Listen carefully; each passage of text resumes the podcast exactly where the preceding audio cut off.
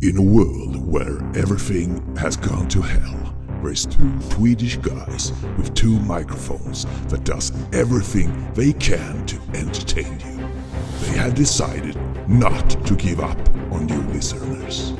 They will continue their jobs to sort out the good from the bad in the world of movies. No one can stop them to put out their shows in the air. Now, sit back and enjoy when a brand new episode of TT Film Podcast come to you. Rated R. Hej och välkomna till TT Film Podcast. Hej, hej. Ja, hej! Var det inte mig du sa hej till? Nej, alla som lyssnar. Du, du är ju med här för bövelen. Kom igen nu. Jaha, Du ska det vara är tyst till jag presenterar min co-cast. jag. Okej, jag är tyst. Jag är tyst. Ja, ja, nej. Det här är ju lite så här... Kommer du ihåg det här äh, magikerparet? Där vi har äh, Tell, Tell och de heter den. En är döv, där får alla säga någonting. Och säger han någonting så blir den andra magikern rosenrasande och äh, misshandlar honom mer eller mindre. Du ska låtsas vara den här stora Ska personen när jag är introt till den efter. Vänta nu, ska jag vara tyst i hela programmet eller vadå? Ja, absolut. Okej, vad håll käften. Det här blir så lite awkward podcast tror jag. Eh, idag har vi tre, eller min poddkollega, han har fyra om faktiskt efter han har dagens utmaning. Jag har mer att göra än vad du har att göra den här gången. Och, eh, ska jag komma till botten nu och misshandla dig, eller hur var det? Ja visst ja, förlåt. Käften. Det kommer att sprida brett i våra program. Vi kommer att prata om eh, mutanter, supermänniskor som har massa förmågor. Vi kommer att prata om historisk händelse som inte är en historisk händelse. Och vi kommer att prata om något obestämt. Och vi kommer prata om relationer och drama. Och nu får du komma in. Oh, oh, jag får prata äntligen. En av de här filmerna är nog, är nog det mest flummigaste jag har sett på mannaminne. Ja, jag kan hålla med. Absolut. Men den tar vi lite senare. Vi börjar med något enklare tycker jag och någonting lite mer popcornaktigt som idag är faktiskt en bioaktuell film. Som vi var iväg och såg förra måndagen som vi har peppat sen, vad kan det vara, 2017? Ja, typ något sånt. Det här är en film som verkligen har skjutit. Varje gång vi har årskrönika så har jag nämnt nästa år, den här året kommer. Du, du, du. Nej, det här året kommer. Det här året. Och filmen det handlar om är ju New Mutants. New mutants are dangerous. That's why you're here. Ooh, scary. This isn't a hospital. It's a cage. Together, we can get out of here. That thing will kill you! He's right, it's magic.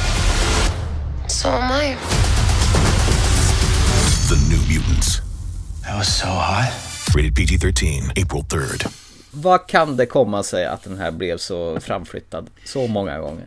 Jag har faktiskt inte hört varför. Jag antar att den fick väl jättedålig kritik första gången den filmats och så här. Sen så, ja, jag vet faktiskt inte. Jag har inte hört ett skvatt. Har du hört någonting? Det var väl en väldigt problemfylld produktion där, vad jag Ja. förstår. I samband när Fox såldes till Disney också tror jag. Jag tror det var många kockar som var inblandade där och många som inte var nöjda med resultatet. Många så här återinspelningar, att man typ i princip spelade in många stora delar av filmen igen. För att det, man inte blev nöjd med resultatet.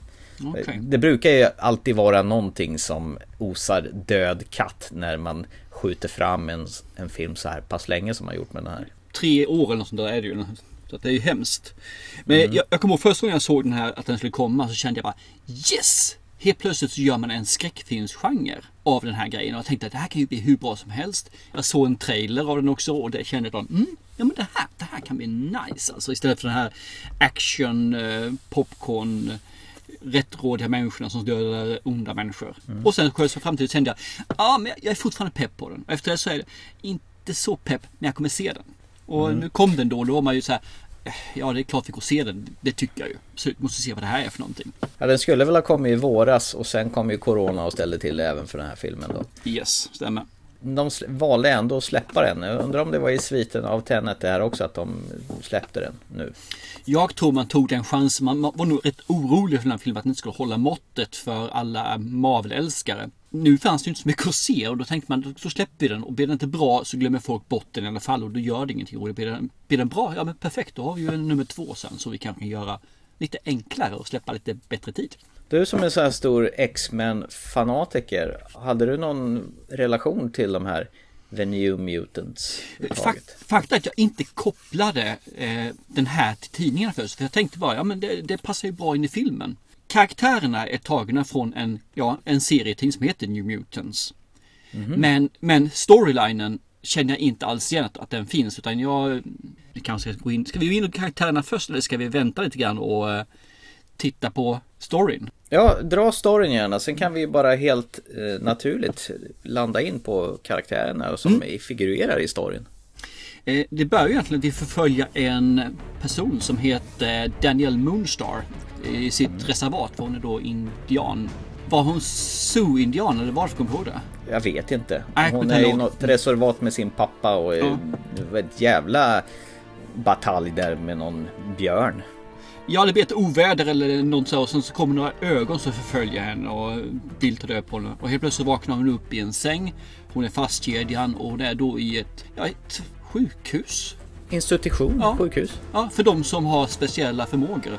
Där de då ska lära sig upp och ta hand och analysera och hantera sina förmågor så de är säkra för sig själva och för andra i omgivningen, för människor i omgivningen. Och när de väl har blivit det så tar de, får de gå ut därifrån. I alla fall är det det de får reda på från början.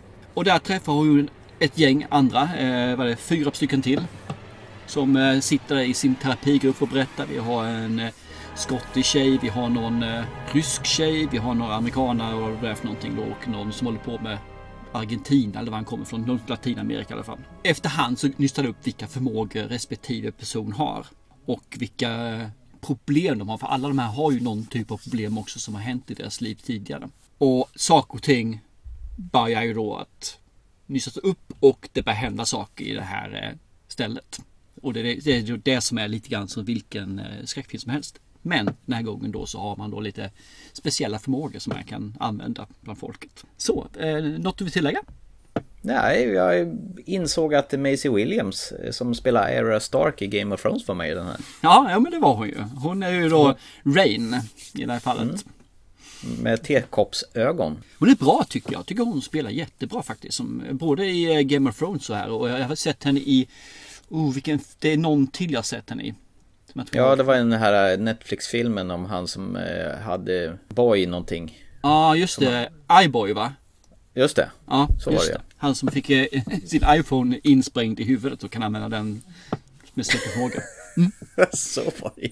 Den låter ju jättekonstig den filmen och det låter ju helt jävla så här lökigt. Men den filmen var riktigt bra. Den var riktigt förbaskat bra faktiskt. Ja, du tyckte det ja. Mm, Tyckte inte du om den? Nej, jag tyckte den var skit. Ja, du har ju sagt. ingen smak ju. Ja. Eh, nu vill jag hoppa in lite grann här då. I karaktärerna. Jag, jag, jag tar först vad de heter och eh, lite grann eh, om jag känner igen dem sen tidigare. Och kanske lite grann vad de har för eh, förmåga också. Vi kan ju börja då med eh, Williams som är Ray Sinclair. Och det är ju då en skottisk brud som kan förvandla sig till en varg egentligen. Ju varulvsliknande Ja, någonting, va? precis. Varulv, varg, eh, åt det hållet. Och det kan hon göra även i seriefilmen. Fast så heter hon Wolf Bane, är ett superhjältenamn då. Så att hon har, jag tror hon har lite annan sak också hon kan göra. Och så har vi då Iliana Rasputin. Hon finns också med i den här som jag kände igen också. Dock så har hon en annan, ja hon slåss lite grann här också med sin onda och goda sida på något vis. Men hon har ju någon jävla sån här tygfigur med sig som hon pratar med. Ja, den känner jag dock inte igen faktiskt, sånt där gör. Men hon heter här eh, Magic, heter hon, eller Magic, eller sånt där heter hon i, eh, i serietidningarna. Och hon har då, eller hon har påbrå från demonvärlden, som de säger också, limbo då i det här fallet. Så henne känner jag igen. Sam Guffrin, han heter Cannonball egentligen i serietidningen och han kan då alstra energi som är kemisk, kinetisk energi som gör att han kan flyga jättesnabbt. Och det är egentligen de jag känner igen som eh, förmågor i det här fallet. Sen har vi ju en person till då som kan bli något magmamonster som jag inte kände igen ett smack faktiskt ska jag känna. Det är han som börjar brinna när han blir kåt höll jag på att säga. Ja, han blir, han blir väl het om vi säger så. Så är det Men det var rätt kul för det var faktiskt först långt in i filmen jag började förstå att det var de här karaktärerna. Och att eh, de hade de här förmågorna. Och det var då det började poppa. Men det här är ju New Mutants från serietidningen. Och då helt plötsligt blev det lite intressant tyckte jag. Att hålla koll på det. Jag fattar, då fick du liksom, då satte de i en relation till eh, det du visste sedan tidigare alltså. Och du nämnde ju då eh, Miss Williams här ju, som har varit med i Game of Thrones bland annat. Och sen så har vi ju faktiskt hon som är Iliana. Här. Och hon har ju faktiskt varit med i Split och Glas också. Ja, det är ju lite spännande för de två filmerna på något sätt är ju något snarlika. I alla fall den, ja, egentligen Split också. Inlåsta tonåringar och där var ju också inlåst. Ja, ja precis. Ja men så är det. Och där är ju också någon form av superhjältefilm. Om man kollar till Split med Bruce Willis och eh, ja, han som har 71 personligheter och Mr Glass. Sen hon ju med den här underbara underskattade filmen som eh, många har svårt för. Det är The Witch. Ja men den är ju underbar. Den är jättebra och hon gör det fruktansvärt bra i den filmen också. Läbbiga, grådassiga filmen om häxan ute i skogskanten. Ja. Mm, precis. Så man inte riktigt var den ska ta vägen någonstans. Men jag måste få fråga en sak. Den här filmen marknadsför de ju som att de hade tagit och gjort skräckfilm av Marvel-världen. Och jag tänkte så här, isolerade barn inne på ett sjukhus, institution, skräck. Det kommer ju bli mumma. Tyckte du att det var skräckfilm av det här? Det är ju en eh, skräckfilm alla 11 år lite grann tycker jag. Det finns lite sekvenser tycker jag där det finns lite grann där just den här eh, när han blir lite het och man får se saker hända. En hand som kommer upp och åker ryggen på personen så här. Där är det lite läbbigt så sett tycker jag. Det är lite coolt. Men Nej, det blir inte mycket skräck i den här filmen. Det blir det faktiskt inte. Det finns, jag kände att det fanns potential i hela filmen att göra den skräckig om man bara hade vridit ett halvt varv till mot det hållet. Att de upp, fick uppleva lite mer av den här saken. Nu blir det väldigt eh, kort. Just den, den delen till de gick vidare till det här. För filmen är ju ändå, vad heter det, en, bara 1.30 lång. Så de måste ha klippt ner den här hur mycket som helst tror jag. Och därför tror jag att det blir inte en skräckis utan det blir mer en, en action. Och det var ju rätt så lång startsträcka innan det liksom började brinna till tyckte jag. Ja, och den startsetan tycker jag var riktigt nice. Jag tyckte om den faktiskt. Sen så tycker jag de slarvade bort det just när du säger att tog bort horrorn. För jag hade verkligen velat se den. Jag hade nästan velat se den mer som en R-rated faktiskt. Och sen kändes det som, en blandning av, eh, det finns ju en tv-serie som Stephen King har ligger bakom, det Under the Dome. Att man inte kan eh, fly ur ett samhälle och på det här sjukhuset så ja, det finns ju inga, upp, inga låsta, vad heter det, grindar och grejer. Så det är väl bara att springa ut så att den här nya tjejen, indiantjejen, det första hon gör det är att försöka springa och fly. Medan hon Iliana står och garvar när hon drar in rakt i ett sånt här magnetfält. Nej, men jag tycker karaktären är goa. Jag tycker om det här liksom. Hon är ju lite twistad Iliana. Hon känns lite grann som hon är en, eh, en variant på Harlequin på något vänster. Är det inte lite klichéartade karaktärer då? Jag Jo, tänker att hon, det är det. hon, är ju den här, Absolut. Mm. hon är den rebelliska och sen har ju hon den här äh, nya indiantjejen och sen har du ju Maisie Williams karaktär. Hon är den här blyga. Så att det är väldigt stereotypiska personer. Men, men vilken av de här typerna av filmer har inte det? Det är ju nästan alla är stereotypiska. Det går inte att se en sån här film utan att de här stereotyperna finns med, känner jag. Men jag tycker det är synd också att de inte kunnat, som sagt vara, vara lite mer modiga. Men det här är ju en film för 13-åringar, 14-åringar tror jag ju. Det här är ju egentligen Breakfast Club fast i, i, instängda på ett annat sätt. Jo men Breakfast kommer ju tillbaka hela tiden i, många olika tappningar i många, många olika filmer. Eh, De har en jävligt lång kvarsittning. Ja precis, flera år.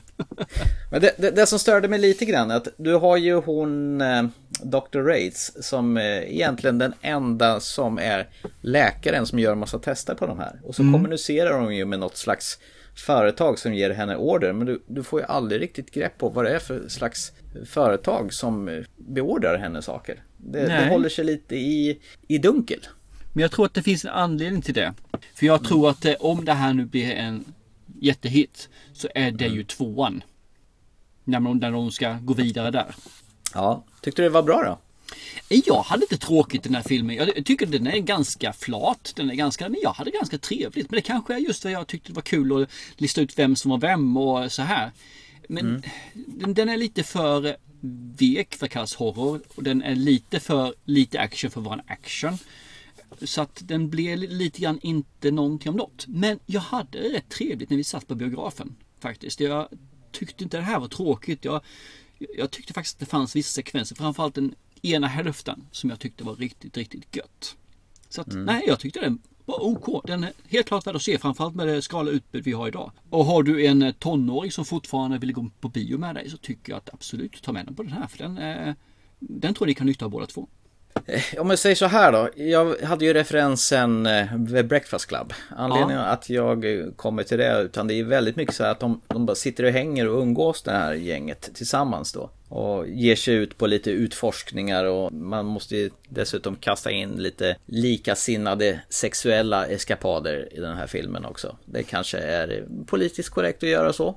Jag tycker att det tog en väldans tid innan filmen tar avstamp till att börja visa upp deras färdigheter och vad det hela eh, ska plana ut i.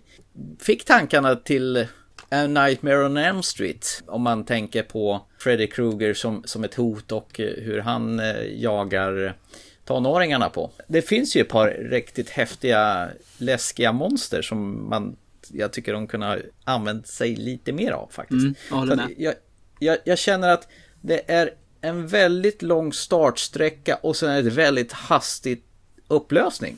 Så jag känner mig lite snu, snuvad på konfekten faktiskt. Men jag tror det är just att de har klippt ner filmen så mycket som de gjort. Jag tror den här säkert var 1,50, 1,50, 1,55 någonstans där innan.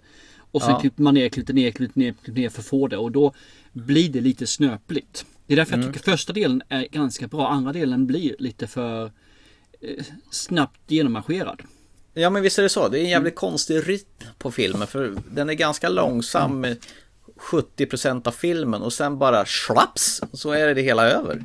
Jag, jag förstår att den har tagit så lång tid och den här har säkert blivit omklippt ett, en och två och tre och fyra gånger så att det känns som att det är många personer som inte har varit överens om slutresultatet. Och det, det är väl då det brukar bli rörig kompott i, i min värld. Så jag, jag insåg att när vi gick ut från bion att du kände som du var rätt nöjd med den här och jag, jag tyckte den här var jag tyckte den här ärligt talat var riktigt dålig faktiskt. Mm, Okej, nej jag tyckte den var helt okej. Jag hoppas det kommer en tvåa faktiskt säger jag. Men den tvåan hoppas jag de kan fånga upp på ett bättre sätt än de gör den här. För de slarvar bort en hel del den här filmen. Men det kan vara lite grann nostalgivarning för min sida också. Så det kan vara så de gör att jag höjer upp den. Jag misstänker ju det. Alltså effekterna i de här borde vara lite vassare med år 2020. I och för sig så började man ju den här för tre år sedan. För att vara en Marvel-film så kändes det som en väldigt billig produktion. Det var ungefär som det skulle lika gärna kunna ha varit någonting som Netflix hade producerat. Oj, så lågt sett inte jag det. Sen så har ju inte jag det här med när man tittar på det där med som du säger att det är billig produktion och effekten kunde vara bättre. Jag tycker de här effekterna är good enough. Och jag tycker inte att man behöver klanta på det på det viset för det, det är det är billigt idag att göra ganska bra effekter. Ty- då tycker jag det finns mycket, mycket sämre effekter som på nya filmer. Ta som Hellboy, den nya Hellboy. Den är ju skitdåliga effekter i den. Alltså, men den Ja, och filmen blir ju helt okej i alla fall. Men den, den kostar 67 miljoner att göra så det är en ganska billig film i alla fall faktiskt om man tittar på den. Det låter ju helt otroligt, 67 miljoner är ingenting, men det är ju rätt mycket pengar egentligen också. Ja, men det är det ju kanske absolut det. Ja, men inte i Marvels mått mätt kanske. I dagens film när det är såna här storlek på filmer så är ju under 100-150 miljoner är ju inte något jättemycket. Det är ju ganska mediokert. Men det som var rätt gött att det inte var någon sån här post-credit-scen. Det, Mm. det har ju gått i, det, Jag tror vi pratade om det när, när vi satt och väntade på bara Nej, det är ingen. Är det någon så skiter vi i det. Ja, det, det känns som det har gått inflation i det där. Men tittar man på den så har ju dragit in strax under, eller strax över 29 miljoner dollar. Så Mm. det är ju inte att den, tittar man pengamässigt så är det ju inte någon succé i dagsläget. Men eh, då är det ju corona också så jag tror inte den har släppts överallt. Nej, jag, jag tyckte det var, den var, det var en klenis. Och jag har, har ju lyssnat på den här Stephen Kings institutet som är väldigt snarlik den här faktiskt. Och, och som sagt, jag fick mig osökt att tänka på Split och eh, den här sista Glas också. För det var någonting åt det hållet också. Och eh, kom osökt att tänka på A Nightmare on Elm Street när jag såg den här. Tonåringar som blir utsatta för spännande saker. Eh, Jason-filmen är ju ungdomar. Det är alltid Mm. Jo. ungdomar. Det är, det är så det är tyvärr. Eller tyvärr, tyvärr. Det är ju, det är ju reglerna. Ja, ja, för en gångs skull hade jag tyckt att den här uppbyggnadsfasen kunde varit lite kortare och, li och lite, mer, lite mer ös. på, på, som inte var så kort. Ja, jag köper också att klippningen är ju inte bra alltså. Men jag förlåter nog den just på grund av att den har stått ut så mycket som den gjort nu med tidens tand gällande vad är okej, vad är inte okej, ska den släppas, ska den inte släppas? Nej, vi släpper den nästa år, nej, nästa år, nej, näst, nästa år. Så då hade jag kanske inte lika stora förhoppningar på den här filmen som du kanske också hade. Utan jag ser den nästan som en indiefilm faktiskt. Dä- Däremot som är vi egentligen knappt berör, det är ju hon som ska ha den ledande rollen. eh, Blue Hunt som spelar Daniel Moonstar. Ja, fast vi har inte berört någon av dem egentligen. För det, det, de är kul för mig och de är kul för det här. Men de är ju ganska, det är ju ingen karaktärsfilm där överhuvudtaget. Och det här är ju bara nu sker the stuff. Men de som är, lyser bäst i alla fall i den här, det tycker jag Anna Taylor-Joy och Maisie Williams. Ja, men jag håller med. Trots att hon hade en skittöntig sån här lillstrumpa och syster Yster-grej på handen. Den tycker jag är lite småkul. Det är det jag menar lite Harlequin-stuket där. Hon sitter och pratar med den och säger Ja, jag tycker också hon är idiot. Mm, ja. ja. Nej, men det, om jag tolkar det rätt så är det här ingenting du vill rekommendera att man går och ser i dagsläget alltså. Nej, jag tyckte det var tre års väntan på just ingenting faktiskt. Yes. Ja. Helt okej tycker jag den med. The New Mutants. Ska vi hoppa vidare till eh, våran konstigaste film för kvällen? Jag, jag tänker på att vi ska inte avsluta det här än, men filmen heter någonting liknande. I'm thinking of ending things. Jake, my boyfriend. It's snowing. Winter is coming in. We have a real connection, a rare and intense attachment. I've never experienced anything like it. I'm thinking of ending things. Huh? What? Did you say something? I don't think so. Weird. I'm visiting Jake's parents for the first time. He hasn't been my boyfriend for very long. They really are looking forward to meeting you. I think of ending things. Hello? We're here. Oh, hi. Here they come. Jake has told us so much about you. He's told me so much about both of you, too. And you came anyway? Jake tells me you're studying quantum psychics. Physics. Really? But there's just something profoundly wrong here. Are you okay? Ja du, det här lurar jag på dig att titta på. skulle Det gjorde du inte. Det här skulle jag ju se i alla fall hade jag tänkt mig. Jag har ju sett trailern och tyckte att det här var, verkade vara intressant. Du, du blev sugen.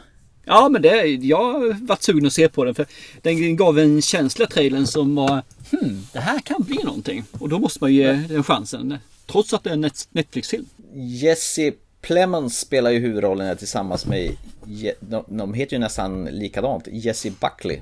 Eh, Ett rö- rödhårigt yrväder och honom har man ju sett i bland annat eh, vad heter det, Breaking Bad. Eh, Han var ju en av de här eh, riktiga assholes. Han brukar ju få spela assholes. Och så har han spelat i en säsong av tv-serien Fargo och bland annat gjorde ett avsnitt av den här, eh, vad heter det, Black Mirror. När de gjorde någon Star Trek-pastisch bland annat. För, för det jag känner igen från är faktiskt från Game Night. Ja, han är den här polisen som Ja, är som inte får vara med. Nej, de försöker göra allt för att han inte ska vara med på deras spelkvällar. Exakt. Den här filmen är jag jättenyfiken på hur du beskriver vad, han- vad den handlar om. Om det överhuvudtaget går att förklara vad den handlar om. Ja, det är ganska enkelt. Det här är inget problem alls. Eh, det handlar ju då om eh, den här mannen som du sa, Jake. Och en ung kvinna som vi faktiskt inte vet namnet på. Hon går under flera namn får man säga. Men eh, de ska ju då besöka hans eh, föräldrar för första gången. Hon ska ju då besöka hans föräldrar för första gången. Tony Collette. Precis bland annat. Och eh, David, eh, vad heter han? Ferrillis? Ja. Han har väl sett i Harry Potter bland annat. Mm, precis. Hon går väl lägga och tycker liksom att det är ganska nytt där fortfarande. De har varit ihop kanske en fyra, sex, åtta veckor någonstans där. Men att hon, hon känner liksom att det här tror jag, hon känner i alla fall att det leder ingenting. Så hon funderar upp på att göra slut med honom. Men hon har inte sagt det än till honom.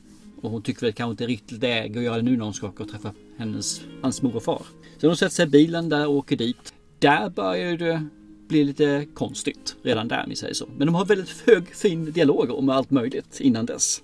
Eh, ibland kan de väldigt mycket om allting och ibland kan de väldigt lite. Men eh, det, det är väl egentligen från att de kommit fram till föräldrarna som eh, filmen går igång. Och det ska inte jag avslöja för det tillhör att se filmen. det är väldigt mycket snö och yrväder den här och eh, snökedjor tjatas Han har ju snökedjor, precis. Det är lugnt. Så. Det är inga problem då, för hon, saken är att hon måste hem på kvällen för att hon har massa det, tentor att läsa till inför va? Ja, något sånt där tror jag det var ja. Mm. Stämningsfull film. Eh, mycket bilåkande och mycket dialog medan man åker bil. Mycket dialog, mycket dialog om allting. Allt från eh, väldigt eh, väder och vind till man går in på kvantfysik mer eller mindre. Alltså välspelat. Jesse Plemons och Jesse Buckley jättebra skådisar. Och jag blev så glad när jag såg att Tony Collette spelar mamman där som han, de, de ska åka och hälsa på. Ja precis, det såg jag i trailern och det vart jag också. Kul, Jaha. bra. Nej, det, det blev en surprise för jag, jag såg inte trailern. Jag har bara sett omslaget och jag blev lite kär i omslaget. Okej. När, när man ser henne sitta vid middagsbordet och den här tapeten i bakgrunden från 70-talet med massa såna här blommor. Röda, gula blommor mot en grön bakgrund. Ja, okej, nej det vart inte jag alls sugen på. Det var ju trailern som jag gick igång på.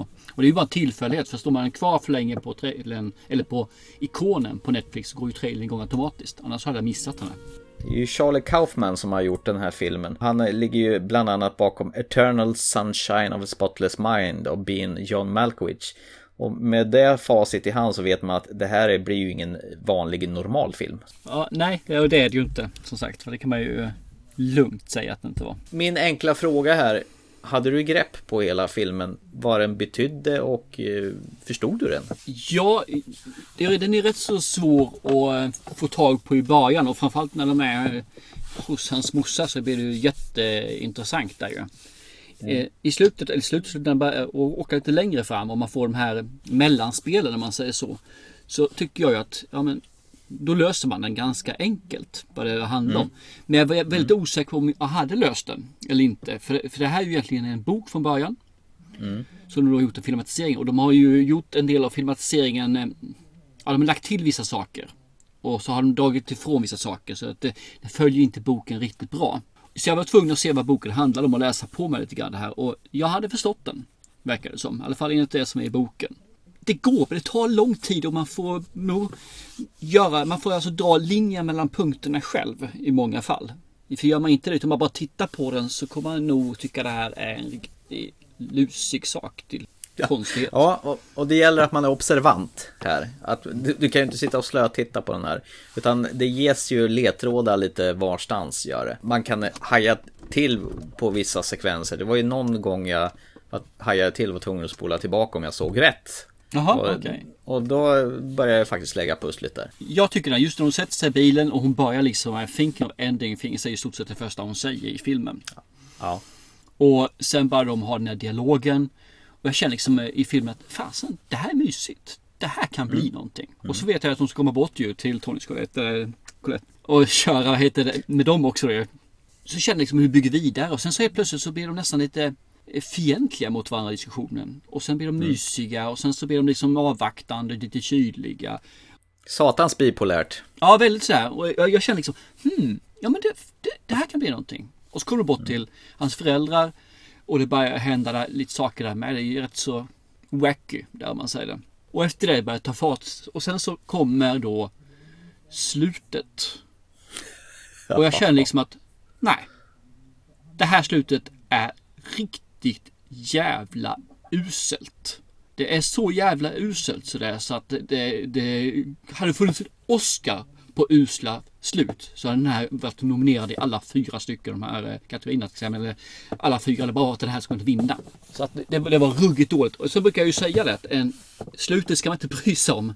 Men det här slutet är så jävla dåligt. För det förstör resten av filmen. Tyvärr alltså gör det det. Så den här filmen för mig dalar ju något fruktansvärt de sista 20 minuterna eller vad det är för någonting. Något sånt där. Som gör att jag spyr galla på den. Ja, jag hatar att säga det här, men jag är benägen att hålla med dig där du säger för att de gjorde ett lustmord på en intressant film helt enkelt.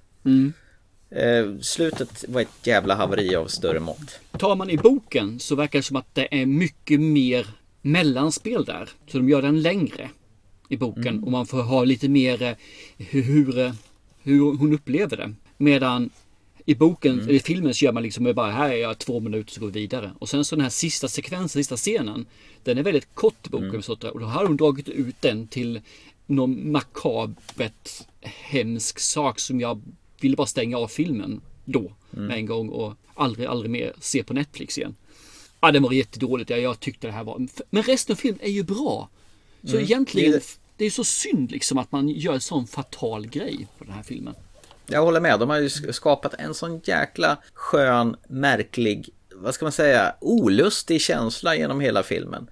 Och, och, och sen avslutar man det på det, på det här viset. Ja, för jag visste inte det här var en bok från början. utan Jag vänt, förväntade mig att man skulle få liksom här the revelation. Att man helt skulle man knyta ihop säcken och få det här att eh, man skulle förstå. Och få det lite kanske lite mer, kanske inte skriva på näsan, men lite förklarat i alla fall. Liksom. Eh, Nu listar man ju sig till saker och ting, men det finns ingenting i filmen som säger att jag har listat ut rätt. Så jag fick verkligen läsa till med det själv. Så de som har skrivit det här filmmanuset har ju misslyckats med att förklara filmen eftersom jag inte var säker på det jag hade sett. Jag fick bara, eh, okej, var det så eller så fick man läsa facit. Och det, det tycker jag ju är, då har man ju misslyckats totalt alltså. Och du ska inte köpa glass när det är snöstorm. Helst, helst inte. Nej, så att eh, tyvärr alltså. Den här filmen, finns bara en kategori av människor jag kan rekommendera den här till. Och det Vilka är, de, det det är de människorna som kan stänga av filmen innan slutscenerna börjar. De som kan ta de sista tio minuterna och bara trycka på stoppknappen och lämna filmen där. Det är de som brukar, alltså som kan följa dina råd, för det är så du brukar säga att man ska göra. Och den här filmen måste man göra det. En riktigt trevlig underhållande film där man verkligen ville se vad som hände sen. Och sen så blir det arkebusering alltså. Rakt igenom. Fy fan, jag blir irriterad när bara pratar om den. Usch. Ja, alltså, man, man ville se vad som hände sen, men man ville inte se vad som hände sen. Nej, nej precis man ville inte det. Helt rätt. Men jag tycker ju om det som Tony Collette gör ju en jättemakaber och fin roll. Så, eh, Ja. Och det gör han ju ofta. Och David, eh, som jag inte kan uttala. David säger bara nu då. Ja. Han, han tycker jag också gör riktigt nice alltså. Verkligen. Och, eh, men jag tycker ändå Jessie Buckley är bäst. Fan vad hon är bra. Ja, det är hon. Absolut. Hon är skitbra. Men jag tycker den som gör en rollprestation bra också är Jesse Plemons. Han gör det också riktigt bra alltså. Han är... Det, det, det, han omvandlas i filmen från någonting till någonting annat. Så att, Är inte han lite snarlik Matt Damon på något vis? Jag tycker de är lite lika. ja, det finns vissa likheter kanske. Ja, det kan det finnas. Jag kan förstå hur du... Hur du Han skulle kunna, han tänker. skulle kunna vara hans storebrorsa eller något sånt där. Ja. Eller någonting. Hans- Lillebrorsa. Hans inte så snygga brorsa. Hans inte så snygga brorsa skulle han Ja. kunna vara. Om de spelade en film tillsammans. Jason Bournes inte så snygga brorsa. Ja, något sånt där. Han som inte blir någonting mer än en vaktmästare. Exakt. Mm. ja, nej, men eh, vi rekommenderar att se filmen fast stänga av innan de sista kvarten. Så, så har ni en bra känsla för den här. Ser ni klart den så åker den här ner en jävla massa snäpp tyvärr. Ja, för den är ju lång. Den är alltså två timmar och en kvart lång. Man vill ju veta var, var det här ska ta vägen någonstans. Det är det som är grejen. Och sen vill man inte veta. Precis som du sa. Nej. Fy fan vilket moment 22. Exakt. Så ta mitt råd. Se de första en timma 50, 55, kanske två timmar. Nej, inte två timmar. En timma 50, 55 minuter. Och sen trycker ni på stoppknappen. Och så deletar den här från alla listor ni har. Och sen så bara låt det vara. Det, det får det bli den här oavslutade filmen som ni glömde sig klart på. Men känslan av att den är sett hittills var rätt så mysigt. Det här var nog det mest bisarraste re- recension vi har gjort på en film Jag någonsin. tror det jag. med faktiskt. Och ingen kommer se den här filmen efter den här recensionen. Fan, ska jag se en film jag inte ser slutet för? Är de dumma i huvudet eller? Ja, men eh, tro oss. Eh, Titta så får ni se. Eller gör det inte.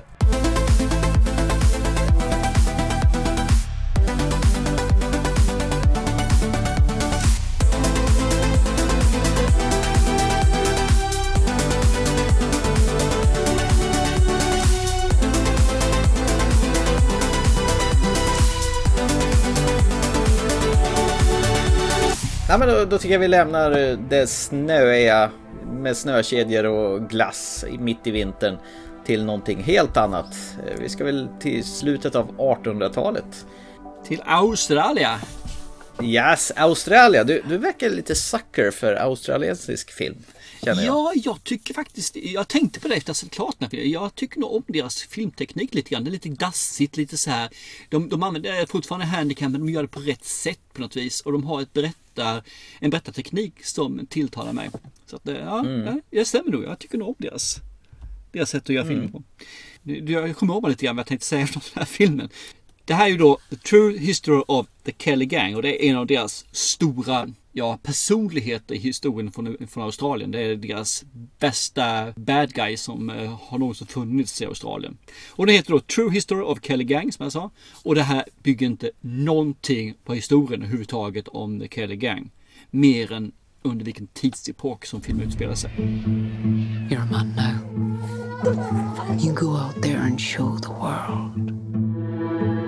I have myself an indentured servant. Ned Kelly is his name. Shoot him. Make a name for yourself. Who's to teach you? To kill men? Nothing comes free in this world, son. Be who you are meant to be. You're bloody bulletproof! I am called the coldest murderer on record. But others, knowing the truth, would call me a hero. Ja, och utspelar sig i tre tidsepoker. Boy, Man och Monitor. Stämmer, stämmer. Ja, nej men eh, ja, kör, kör vidare på vad vi får i den här filmen från 2019. Eh, Den är då baserad på en eh, novell från Peter Carey. Men filmen handlar ju om egentligen en, ja, en kille, Ned Kelly, och hans familj kan man väl säga också. Det börjar filmen när han är ett barn. Hans farsa är väl ett eh, alkoholist och tar inte hand om och åker i fängelset och dör så han blir ensam barn. Sen får man då följa med hans resa i, till vuxenlivet och där han blir den eh, badass hemskingen som han blir egentligen. Samtidigt som man får följa de karaktärerna som han möter längs med vägen och kommer in då. Och de stående givetvis, hans kära familj med eh, sin kära moder Ellen Kelly, eller Essie Davis som hon heter egentligen. Ja, hon är så bra på att uppfostra sina barn. Ja, precis. Det är som du säger, du, du träffar ju på honom när han är en liten pojke, Ned Kelly. Morsan som är i princip prostituerar sig för att få ihop till brödfödan då, dra hem det ena packet efter den andra. I princip säljer eh, sonen till våran kära Russell Crowe initi- initialt. Precis. För 15 pund. Så hans karaktär heter Harry Potter. Nej, inte Harry Potter. Harry Power heter han.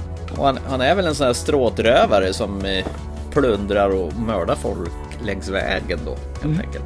Och han är ju fan lika proppmätt här som han var i eh, Unhinged. Ja, det är han. Och det är ju... Det fanns väl en anledning till det som sagt var. Det tror vi nämnde tidigare varför. Han har ju faktiskt en mindre roll än vad jag trodde. Vilket är rätt så Mm. trivsamt. För jag är inte så jätteförtjust i Russell Crowe faktiskt. Och som sagt, den här filmen är uppdelad i egentligen tre livsperioder då egentligen. Dels när han är en liten pojke och dels när han växer upp och dels när det börjar gå besärk. Känner du igen honom då som eh, huvudrollsinnehavare när han var vuxen? Jag kan inte säga på att jag, jag kan tala om vem han är. Jag känner igen hans utseende men jag kan inte placera honom. Eh, En film som heter 1917. Ja, Han är en av huvudrollsinnehavarna där. Ja det är där jag sett honom.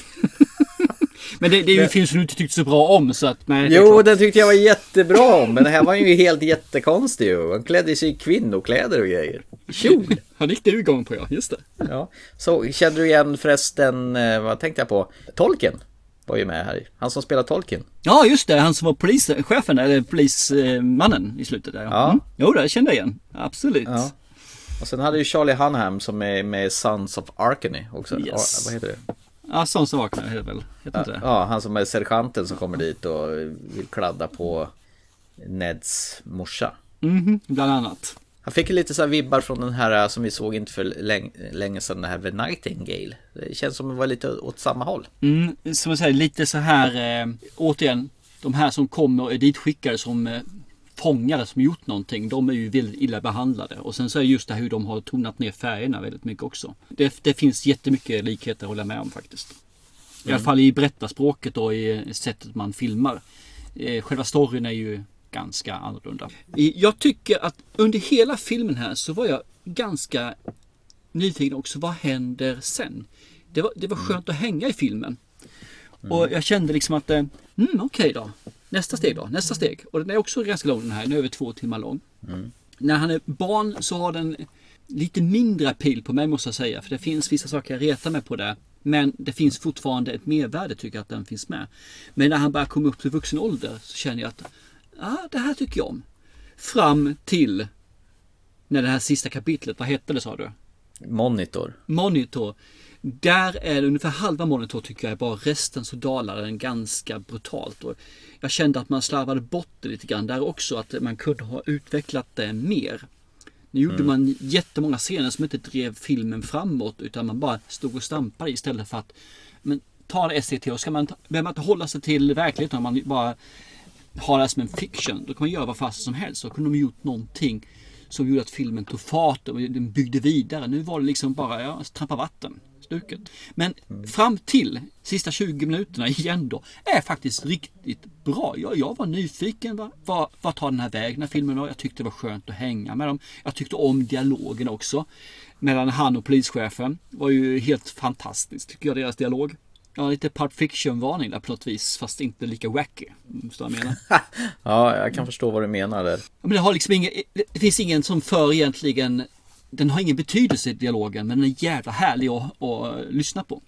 Sen så blir ju slutet därefter tycker jag ju var, ja, mm, slarva bort det totalt. Inte lika illa som den förra filmen. Men fortfarande så är det inte det, det filmslut som jag skulle ha. Men jag kan, jag kan förlåta det här slutet i alla fall. Ska jag. Så jag tyckte den här filmen var faktiskt mysig. Och så är det ju en lågbudgetfilm också. Den är väldigt, eh, man, man får ta den vad den är om man säger så. Jag tycker om, jag avskyr ju handicam i vanliga fall.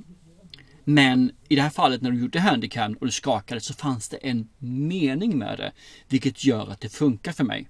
Jag retar mig inte på det. Nej, jag, jag tycker om det och hur de filmar eh, vinklar och sådana saker. Jag tycker verkligen om det. Så att, eh, ja men den här filmen, eh, helt klart eh, att rekommendera för min del i alla fall. Om man vill se en australiensisk film. Ja, australiensiska filmer är ju trevliga. Däremot så känner jag att Australien är inget land som lockar mig överhuvudtaget kan jag säga. Inte efter de här filmerna eller? Nej, jag har ju även tittat på den här, vad heter det, Wolf Creek-filmerna du vet. Och det Mm. finns ju även en tv-serie på det. Och i alla filmer som jag har sett, kanske tittar bara en viss genrefilm, så är det väldigt skabbigt i alla, alla lägen. Det är inte så fint. Utan det är plåtskjul och det är land, det är bara lantiga miljöer och det är inte så vackert. Nej, eh, eh, men jag tror det finns rätt så vackra delar i Australien också. Det är bara att det är inte de som är intressanta att filma. Ja, det ska vara misär. Ja, men lite grann så är det ju faktiskt. I alla fall de typerna av filmer som eh, vi ser verkar det som. Men det här är ju en klassisk uppgång och fall eh, historia då. Där Ned Kelly formas och blir den han är.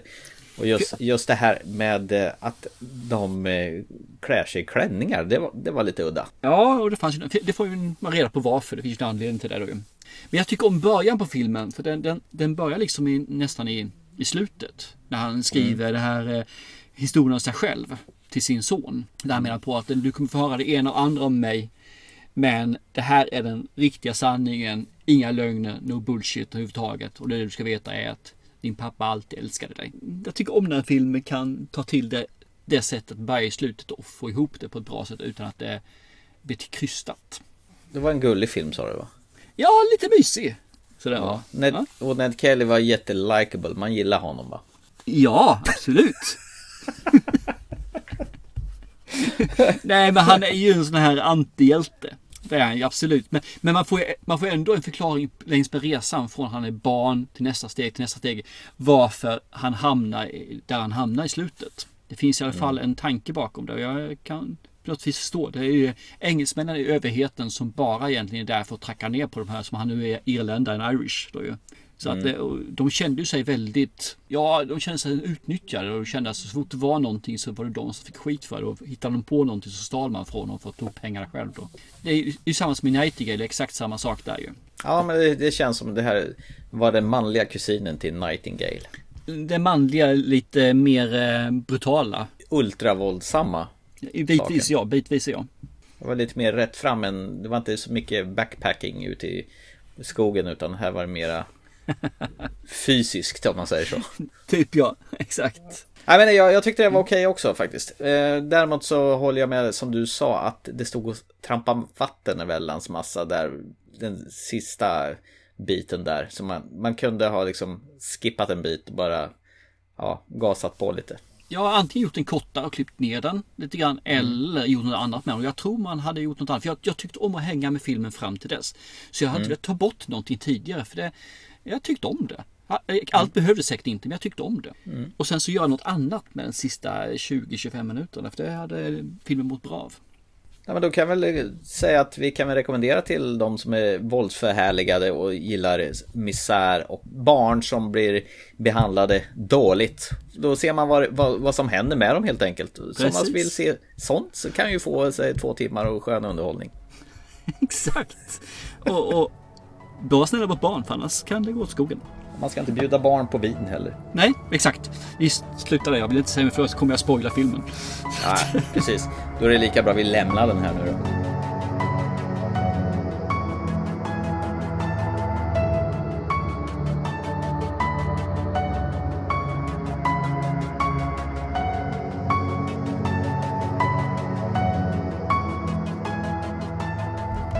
Gå in på vårt sista del här egentligen då. ja. Ditt uppdrag. Ja, det här var ju någon film som du eh, gick igång på i 120. Var det förra året? Ja, den var så nära att ta sig in på min eh, topplista också av eh, bästa filmer. Vet du om att den här finns? Eh, vi pratar förstås om Jonas Gardells eh, filmatisering av hans roman med samma namn, En komikers uppväxt. Visste du att den redan är gjord som en tredelars tv-serie 1992? Yes, det visste jag. Har du sett den också? Eh, nej, det har jag inte gjort. Nej, och i den är det Björn Kjellman som spelar Juha. Eh, Och i, i 2019 års version så är det Johan Renborg. När jag var liten kunde jag trolla. Jag kunde göra underverk. Det fanns ingenting jag inte kunde göra. Det var innan de lärde mig att jag inte kunde. Så jävla märkvärdig har det inte blivit att du inte känner igen en gammal klasspolare. Jävlar vad kul vi hade det. Du har inte förändrats ett dugg, du är precis lik. Det håller jag inte med om. Jag drömmer inte om fred på jorden, jag drömmer inte om att stoppa världssvält. Men jag drömmer om en enda morgon utan hårig punkt till frukost. Och så ska vi som vanligt avsluta med roliga timmen. Ja, fröken. Och så börjar vi lektionen med att skratta åt tjocka gutter som inte kan komma över plinten. Jag kan väl för fan inte ringa Jenny, vi har ju inte pratat på 40 år. Om jag kunde förstå varför de ska vara så stygga mot Thomas. Ni bara förstör allting! Jag hälsar Johan Lindström, en komikers uppväxt. Roland var världen som jag växte upp till. En komikers uppväxt i alla fall, det är en svensk dramafilm som Rodja Sekarösas eh, har, det vet jag inte om jag uttalar rätt, men hon har regisserat den här filmen. Manuset är ju förstås skrivet av Jonas Gardell då. Vill ni veta lite mer om henne så har hon faktiskt sommarpratat i årets eh, som, ja, Sommar P3, P1. Ja, jag lyssnade faktiskt på det och om man lyssnar på det så känns inte hon så jävla nöjd över att vara filmregissör. Nej, hon tycker det är jobbigt. Hon tömmer sig själv varenda gång. Det är det tror jag. Det, det är ju, en del brinner ju för yrket. Det låter ju som hon gör det också, men det kändes som att det var jobbigare än vad det gör nytta för henne. Ja, jag tror också. Hon var ju med också i den här filmen vi recenserade med eh, hon eh, debutregissören i Hjärtat. Var ju med Ja, och det. körde eh, en roll också där ju. Men i alla fall, i 2019 års version så är det ju Johan Renborg som spelar den vuxna Juha då. Och den unge, han spelas av Loke Hellberg, fint efternamn framförallt. Han växer upp i en villaförort som heter Säbyholm. Han har väldigt svårt att passa in. Det går i alla fall hyfsat bra för honom. Och han, han är den där killen som blir känd som på roliga timmen tar över själva... Han var lite som jag gjorde faktiskt när, när, när vi gick på låg och mellanstadiet. Faktiskt. Ja, Så jag känner- mig faktiskt igen lite i honom. Jag ville gärna stå längst fram och synas och dra. Jag gjorde faktiskt någon sån här följetong. Som med, med en cliffhanger i slutet på varje avsnitt. Och till slut så jag fick fan applåder när jag gick upp. När jag tänker efter. Inte du gick därifrån alltså? Yay, han försvinner! Nej men jag kan se det göra det. Jag kan se det framför mig. Eh, I vuxen ålder så blir han, är- han är ju ståuppare, eller vad är han? Han är ståuppare. Mm. Han är komiker som står på scen ju. Just det. Så blir han ju kontaktad av en av de här killarna som jag vet inte om han är mobbare, han försöker ju bli kompisar med de här killarna. Det är en kille som heter Stefan då. Och i det här läget är det Jakob Eklund som spelar honom som vuxen. Då. Jävla svinig ser han ut att vara. Ja, riktigt jävla svin. Och det roliga är att han spelar om sin roll från tv-serien En komikers uppväxt. Exakt samma roll. 20 år senare eller vad det nu är. Och han är ju riktigt så här, kommer du ihåg mig från skolan? Hur, hur, hur det var? Och jävlar vilka pattar de var det där. Ja, men kan inte komma med mig och med grabbarna så vi får dricka lite bärs med dig och ta en selfie. Men Mm. Ju- Jua, han är, han är lite så här att han vill vara för sig själv efter att han har uppträtt då. Men den här är, han faller tillbaka lite i samma mönster när den här Stefan kommer. Så han blir väl egentligen ung på nytt då och inte kan säga ifrån. Och, Han var ju ganska... eh, Han var ju i den lägre skalan, man säger, rangordningen, så var han väl bland de lägst ner. och han har ju lite svårt där vilken sida han ska hålla sig på. Om han vill vara med de tuffa grabbarna eller om han vill vara där med sin tjejkompis Jenny och den här andra killen Thomas. Mm. Fint namn där också faktiskt. Jajamän, och Thomas tycker jag han gör ju riktigt bra. Här Theo eh, Delback. Han gör ju Ja, exakt. Ja, jag, jag förstår precis vad du pratade om. Du hyllade ju honom ganska hårt när du hade sett den här filmen. Mhm. Sen finns det ju några, alltså det är ju egentligen en, en coming to age film om hur man ska passa in där. Och Jonas Gardell är ju jävligt duktig på att varva allvarliga saker med humor och han Mm. blandar och ger. Har du, har du sett Jonas Gardells de här föreställningarna han har kört? Ja, jag har varit på ett par, tre stycken har varit. Han är Ja. skitbra där också. Han lyckas få upp oss och sen så är det svart mörk rakt ner och sen bygger han upp stämningen och sen svart mörk. Jag älskar hans föreställning. Han är skitbra. Exakt, och han gör lite samma sak i den här filmen också, eller han har ju säkert varit med och petat i den här ganska mycket kan jag tänka mig med att han skriver manus i det där. Det är några saker jag har lite svårt för bara i den här filmen. Du har ju en gympalärare som spelas av Ulla Skog. Mm. Och hon är så här, jaha, nu ska vi se om alla kommer i puberteten. Nu ska vi se, ja, men du har ju en snopp. Och kom och skrapa knäna mot det gröna gympagolvet. Och det- fick mig liksom att tänka på, han har ju någonting i sin föreställning att, som när de bjuder på mandeltorsk i eh, matsalen. Och är säkert gift med flårtanten som sen skrapar knäna mot gympagolvet. Det är ungefär som han återanvänder vissa saker. Ja men det gör han. Det tror jag. Men just det här sättet som Ulla Skog gör, det blir lite karikatyr över det hela. Det, är, det kan inte vara någon gympalärare som beter sig så här. Nej, det är klart att hon går lite över gränsen där men det, det fanns ju där. Anledningen till Ulla Skog tror jag var nog Ja. för att det hade blivit för mycket om man hade gjort det till en kille. Som gick Ja. in på tjejerna. För det är ju det, det är ju oftast det som man ser. Det är killarna som går in till tjejerna liksom och säger ja du duschar ihop nu. Men nu Ja. var det en tjej istället som gjorde det för han är ju då kille. Då Juha. Och sen likadant Klara Zimmerman som spelar eh, hans trötta lärare där som egentligen går ut och får ungefär psykiskt sammanbrott för hon orkar inte med sin klass. Nej. Hon är, hon är också lite så karikatyr på en, på en lärare också. Sen har vi ju då Thomas då, den här unga killen då som, som blir utsatt av de här tuffa grabbarna. Han har ju en morsa som är tyska. Ja exakt. Jävlar vad jag tycker det är överspel där. Ja, det blir så konstigt på något vis. Alltså, han har en jävligt dramatisk linje där med de här barnen som spelar fruktansvärt bra och det blir väldigt ångestladdat. Jag, jag känns ju som jag är tillbaka kastad i skolåldern där. Med de här karikatyrlärarna, det blir, det blir sån konstig balans i det hela. Kan du förstå vad jag menar? Jo, jag kan förstå det. Samtidigt är det ju för att eh, bevisa sin tes lite grann också tror jag. Att, eh, och jag, jag, jag, förstår lite vad du menar med eh, Thomas mamma där. Men Ja. hon vill ju så jävla mycket att hennes son ska ha kompisar och de ska komma dit. Så Mm. Jag tror att hon spelar över just på grund av det. det. Jag tror att det är vissa föräldrar som kan känna igen sig där när man vill att sina barn ska må så bra som möjligt så blir man Mm. så huttig och man blir så positiv så att det blir nästan äckligt. Hon vet ju mer eller mindre att han är utfryst och ingen egentligen. Och hon har ju målat upp en någon slags illusion att bara man bjuder in till kalas Mm. så kommer det lö- lösa sig. Och just den scenen med kalaset Den är, den är jobbig. Den är skitjobbig. Fy fan vad ont i magen jag fick. Hade jag sett den på tvn hemma på Blu-rayen så hade jag pausat där, jag vet det. Nu satt jag på bio och kunde inte göra det. Men då hade jag Mm. pausat så hade jag tagit en, gått en runda, druckit lite vatten eller vad som helst och sen så hade jag suttit med igen. Men den, den är skitjobbig den delen alltså. Och få se en pung hänga ut ur kalsongerna på eh, Juas pappa var också äckligt. Ja, precis. Det hade jag glömt bort faktiskt. Ja, det är bland det första Kan jag som någon händer. gång få äta frukost utan att pung, se en pung? Ja. Hans morsa var ju faktiskt rätt så brutal. Den här eh, finska morsan som står, står och röker. Eh, Saken är att han är ganska trogen boken i den här filmen. Man får väldigt mycket av scenerna eh, mer eller mindre kopierade. Och vissa film, scener tror jag man har omvandlat dem just, eller filmmediet. Och jag Mm. tycker det är det som gör så jävla nice. Jag vet inte om du läst boken? Nej, jag har faktiskt inte läst boken. Då rekommenderar jag att göra det, för den är jäkligt underbar.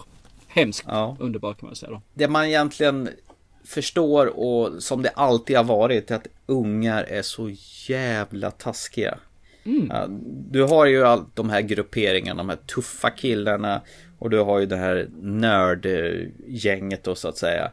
Och sen har vi då Juha då som han vill... Han vill bara passa in ju. Han vill bara passa in. Han har ju sin, sina kompisar egentligen i Thomas och Jenny då. Men han vill ju så gärna vara på den coola sidan och till kostnad över att då måste han ju köra över sina kompisar då. Även om den här Jenny då som är hemligt förälskad i honom och han är ju inte ser det överhuvudtaget. De ska ju ha någonting som heter Hippa. Är det någon slags kalas eller vad, vad är det för Ja, någonting? det är väl det. Det var något som var på 70-talet där väl.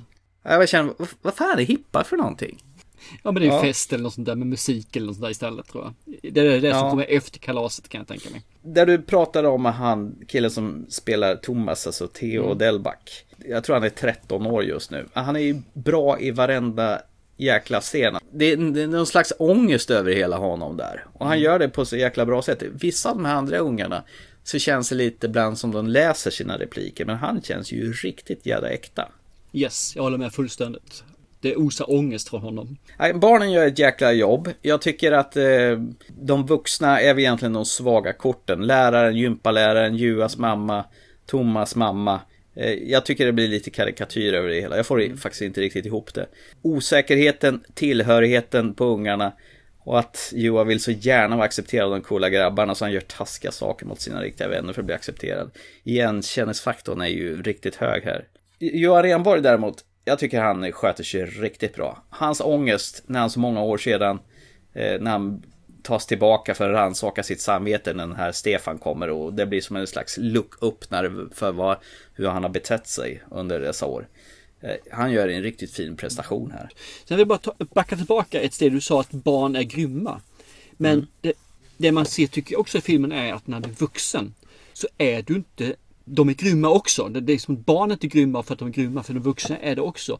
Och du Mm. har det här med att hur mycket du än tar dig ifrån saker och ting så är du kanske inte så långt ifrån det i alla fall. För när han möter Stefan där så är han ju tillbaka igen och var den här som vill behaga. Som då Mm. inte kommit så långt i sin utveckling som han trodde han gjort egentligen. Utan han är fortfarande tillbaka i samma folla igen. Och jag, jag har aldrig utsatts för det men det skulle vara intressant någon gång att komma tillbaka och kanske träffa gamla gänget igen i skolan och se om man tog samma roll igen eller om man faktiskt hade vuxit förbi det. Det var ju så populärt för en, ett gäng år sedan att man skulle göra en sån här återträff med, med sin gamla klass. Jag tror det var något företag som anordnade, i alla fall här i stan, en träff borta vid Brunnsparken. Man Ja. fick komma dit, äta tacos och sen hade man någon slags återträff. Jag Mm. kan säga, jag, jag gick aldrig på den där träffen faktiskt. För jag kände att jag har nog fan ingenting att säga mina gamla klasskamrater. Nej, de har något liknande också, också. Men då var det liksom eh, alla skolor i regionen som skulle träffas där också. Och, och jag såg att de som anmält sig var två från min klass. Och då kände jag, varför ska jag gå och prata med bara två? Först så ska jag behöva åka då 35 mil för det. ja, det är väl lite långt för jag. Ja, och de två personerna hade jag väl inte jättemycket att göra med heller under skoltiden. Så att, och då kände jag, nej då struntar jag i det. Annars hade det varit kul om vi bara hade träffat klassen. Det hade varit skoj faktiskt. Men om vi ska komma tillbaka till det, det vi sa om Gardell då. Han brukar ju sina shower varva där mellan det allvarliga och det kuliga. Du, du får ju publiken asgarva åt hans mimik och så vidare. Och sen kan han ju gå ner i varv och bli gravallvarlig. Han gör ju så i den här filmen. Jag hade dock önskat att han hade gått in all in på det seriösa spåret. Tona ner den här vuxna som ska vara lite karikatyrer. Jag tror inte det handlar om hans manus där faktiskt. För han har samma sak i boken och där har man absolut inte ont av att det blir karikatyrer. Kar- så jag tror det är filmmediet och skådespelarna och kanske lite den regissören också nu som eh, har valt att gå på det här viset. Tror jag i alla fall. Mm. Det är rätt fränt när de sitter och eh, har precis köpt färg-tv och sitter och håller på att greja med den här fjärrkontrollen och inte fattar att man ska stoppa batterier i den. Och blir, nu höjer jag volymen, nu byter jag kanal och ingenting händer. Och så kan man få cancer om man går i vägen när man trycker på den här fjärrkontrollen. Exakt. Ja, just det. Det här har jag också Ja. glömt bort faktiskt. Det är en skön scen. Ja, det är faktiskt väldigt, det är mycket sån här han har ju mycket igenkänningsgrejer från förr och det gör ju så att det liksom träffar ju ganska rätt rakt på min nostalginärm på de bitarna också. Mm. Även musiken de spelade och så. Det är mycket referenser till musiken som var populär då. Men det blir stundtal som inte ganska ofta så blir det jävligt obehagligt och ångestladdat. Jag känner igen mig men jag, jag vill inte tillhöra de tuffa grabbarna när jag gick i skolan. Ville du det? Nej, det vill jag inte göra. Men eh, jag var nog mer nördarna och jag skulle väl kanske varit lite mer mittåt skulle jag bli när jag var, i- när, när jag var den åldern skulle jag vara lite mer mittåt. Jag var nog i, i töntgänget. Ja, det var faktiskt jag också. Och jag hörde dit känner jag och jag trivdes med det. Vi satt och spelade Commodore 64-spel hemma och jag hade ingen som helst för avsikt att vara med de här som var coola på något vis. Det, det vill inte jag heller. De var offline. Så de var liksom. Men man var lite för mycket nörd för att man skulle känna sig riktigt tillfreds. I alla fall jag det. Jag skulle nog vilja vara lite mer normal. Idag så tycker jag, att se tillbaka på det, så är, så är det, var jag på rätt plats. Det var inte mer med det. Och det är därför det gör så jävla ont med han Johan när han står och velar med de lägren. Man skulle ju vilja vara den kompisen som säger till han och vad fan stå upp för de svaga. Håll inte på liksom och vela till den här the dark side of her force. Alltså man blir så jävla förbannad. Och man, man skulle liksom vilja att ha den erfarenheten som man har när man är vuxen och kunna backa och bete sig på ett rätt, korrekt sätt istället. Nej, Alltså jag fick ont i magen av filmen. Jag, jag blev ju asberörd och visst tusan så satt jag och lipa på slutet. Det är klart man gör. Men han var jobbig att se på faktiskt. Jobbig och bitvis kul tycker jag. Men jävligt Ja. jobbig. Så att eh, jag blev ju asugen att titta på den här eh, tredelars eh, tv-serien också nu. Ja, det får du Så göra och det- återkomma i sådana fall om du tycker om den. Jag känner mig rätt så nöjd med den här filmen. Jag tror att jag skulle... Det skulle bli att de konkurrerar och man skulle inte njuta. Något känner jag. Och det, det, det fanns ju en scen som också gjorde så här, jag fick ont i magen. När, efter en av hans eh, scenframträdanden så sitter han och, och teamet, om det är så här ljudkille och de som sköter lyserna, de sitter och äter då. Mm. Och de går och sätter sig vid ett helt annat bord och han sitter där helt ensam. Så det är på något sätt och vis vuxenmobbing kände jag då. Ja, så, så den tanken gick, hos mig också. Men samtidigt så har han ju fjärmat sig från dem medvetet. Tycker jag man Mm. känner i filmen att han har satt sig, han sätter sig och vill vara ensam. Enligt vad de förstår i alla fall. Mm. Så det känns lite grann som att han, han med, inte med, men omedvetet har satt sig i ett offline-läger. Han är liksom komikern, de andra är ett gäng. Men han är den som står framme och är ensam, alltid Mm. ensam. Johan Rheborg, han växer i mina ögon. Jag såg, så har ju precis sett klart den här andra Partisan med Mm. Fares Fares och honom. Eh, Den rekommenderade jag till dig att du skulle se, men vilket jävla haveri till sista avsnitt tyvärr. Vilket gör att jag blir ju inte så sugen på att se den längre. Den var jättebra startsträcka och det var bra till mitten, men avslutningen, den var katastrof alltså. Den var riktigt pruttdålig. Men ingen skugga ska liksom falla på Johan Rheborg, för han är jättebra där i den serien och han var jättebra i en komikers uppväxt. Så han, han växer väldigt i mina ögon. Jag har alltid tyckt om, alltid tyckt om honom. Jag tycker alltid om honom. Så att han har gjort så mycket som jag tycker är bra. Så att eh, ja, han eh, är redan där uppe hos mig. Känns oerhört sympatisk också. Mm, det tror jag nog han är faktiskt. Nej men det här var mums, det här var riktigt bra. Jag tackar så hemskt mycket för att jag fick den här av dig. Den eh, träffade hårt och brutalt och jag blev jätteberörd faktiskt. Det var helt omöjligt att inte lite halvt bryta ihop när filmen var slut. Jävla elak du är. Ja, men du behöver bryta ihop. Det är det som är saken. Eh, Hur reagerade du när du såg klart den där? Den här kan ju inte vara helt lätt. Om du, du såg den på bio också. Ja, det var ju långt innan eh, den kom ut på ordinarie. Mm. Eh, nej men jag är samma sak. Jag tycker den här var skitjobbig när jag såg den. Och det var x antal gånger där som man grät, alltså som tårarna rillade. Det var inte med mig där. För jag, jag blir också berörd den här filmen. Och jag tycker den är Mm. rolig när den har rolig, den har sina poänger. Men eh, det är ju det som gör att den blir uthärdlig eftersom de har komedi och luckra upp och lösgöra lite grann och sen så dimper de ner det här svarta hålet. För det går inte bara att ha ett svart hål för då skulle man ju inte tya med den alltså. Men, det var nog det lite jag var och eh, nosade på och ville ha Ja. mer av. jag gillar tydligen att gråta. Ja, okej. Ja, ja. Vi är alla olika. Så det är helt okej. Exakt. Eh, vad har, rekommendera filmen, vad du ser, antar jag. Ja, lätt faktiskt. För flera anledningar. Ett omskakande drama. Du får en stark dos av nostalgi. Ja, är man i våran ålder så kommer man ju känna igen sig, så att säga. Alltså miljöer, tidtypiska set pieces och bra skådespel. Framförallt återigen den här killen eh, som spelade Thomas då. eh, Var ju fruktansvärt bra. Mm. Theo Delback.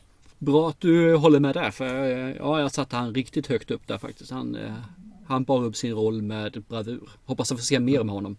Tycker jag. Men du ska ju få såklart en tillbakakaka eh, när nu jag har avverkat mitt uppdrag. Yes. Och eh, numera så har man ju två program på sig och smälta det man ska få se i och med att vi även eh, till nästa program ska köra återtiteln. Men det du ska få, det här är en film som har legat och marinerat ganska länge och jag har varit på vippen och ge dig den här, men nu ska du faktiskt få den.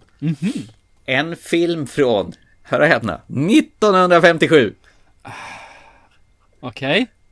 Och det handlar om 12 stycken arga män. Eh, På svenska heter den t- 12 edsvura män och på engelska heter 12 Angry Men. Ett kammarspel kan man säga som utspelar sig i, i princip i en och samma rum i hela en timme och 36 minuter. Okej.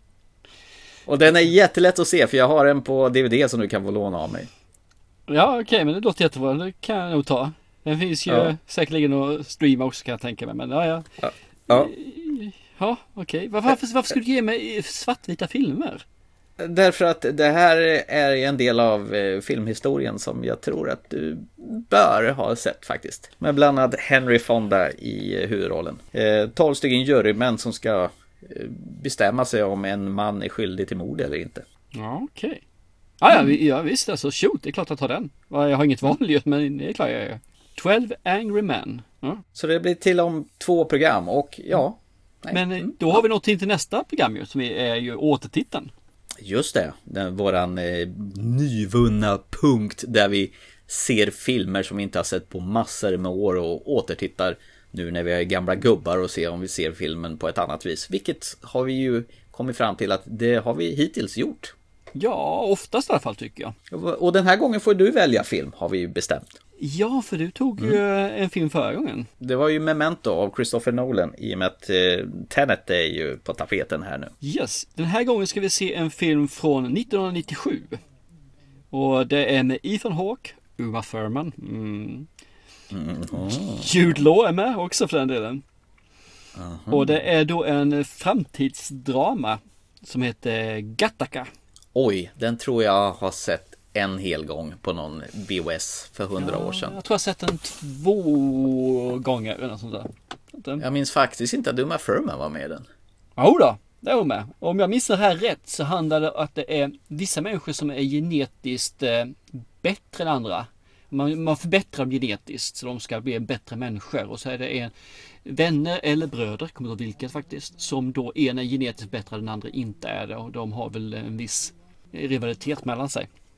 Ja, jag, jag minns just ingenting eh, förutom att det är i framtiden och de åker rulltrappor. Ja, och så ska de åka ut i rymden också. Ska de göra. Det är något sånt där. Kanske det som är då deras eh, konkurrens. För att en av dem ska åka ut i rymden eller något sånt där. Ah. När vi, vi kommer ihåg av filmen när vi ser den. Ja, inte mycket kan jag säga. Just nu, nej. eh, Det är det inte. Men det kommer säkert bli lucka upp när, när man väl ser de första bildrutorna. Ja, men det ser jag fram emot faktiskt.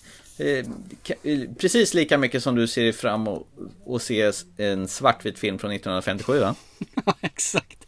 Yay! Hans-Åke Lilja vänder sig borta på sin Stephen King-front och undrar vad fan han håller på med.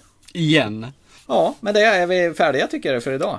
Vi är jättefärdiga och eh, kul att du tyckte om en komiks uppväxt. Jättekul. Ja, men den var mums. Idag har vi dessutom pratat om The New Mutants som är bioaktuell sedan en vecka tillbaka. Vi har pratat om True History of a Kelly Gang och vi har pratat om I- Netflix aktuella filmer I'm thinking of ending things och en komikers uppväxt. En riktig blandning i dagens palett. Nice. Och nästa, bland, nästa vecka säga, men nästa gång vi kommer med avsnittet kommer det bli en likadan blandning igen hoppas jag. Ja, bland annat en bioaktuell film också faktiskt. Eh, Där din favvo Tilda Swinton nu figurerar. Ja, den kommer ju också snart ja. Det stämmer. Har du någonting mer att tillägga eller ska vi dra igen butiken för ikväll? Jag tycker vi slår igen butiken och eh, önskar alla en vansinnigt trevlig fortsättning på den här hösten. Nu börjar det bli mörkt ute i backen. Och som jag brukar säga, se en film. Eller tre filmer. Ja, verkligen. På återseende. Vi säger så. Chip chip! Hej då! All this love inside of me is dying, It's killing me, can't you see? You say all you've been doing is trying. I hit you with I hate you, now I'm crying. I'm trying to save my soul,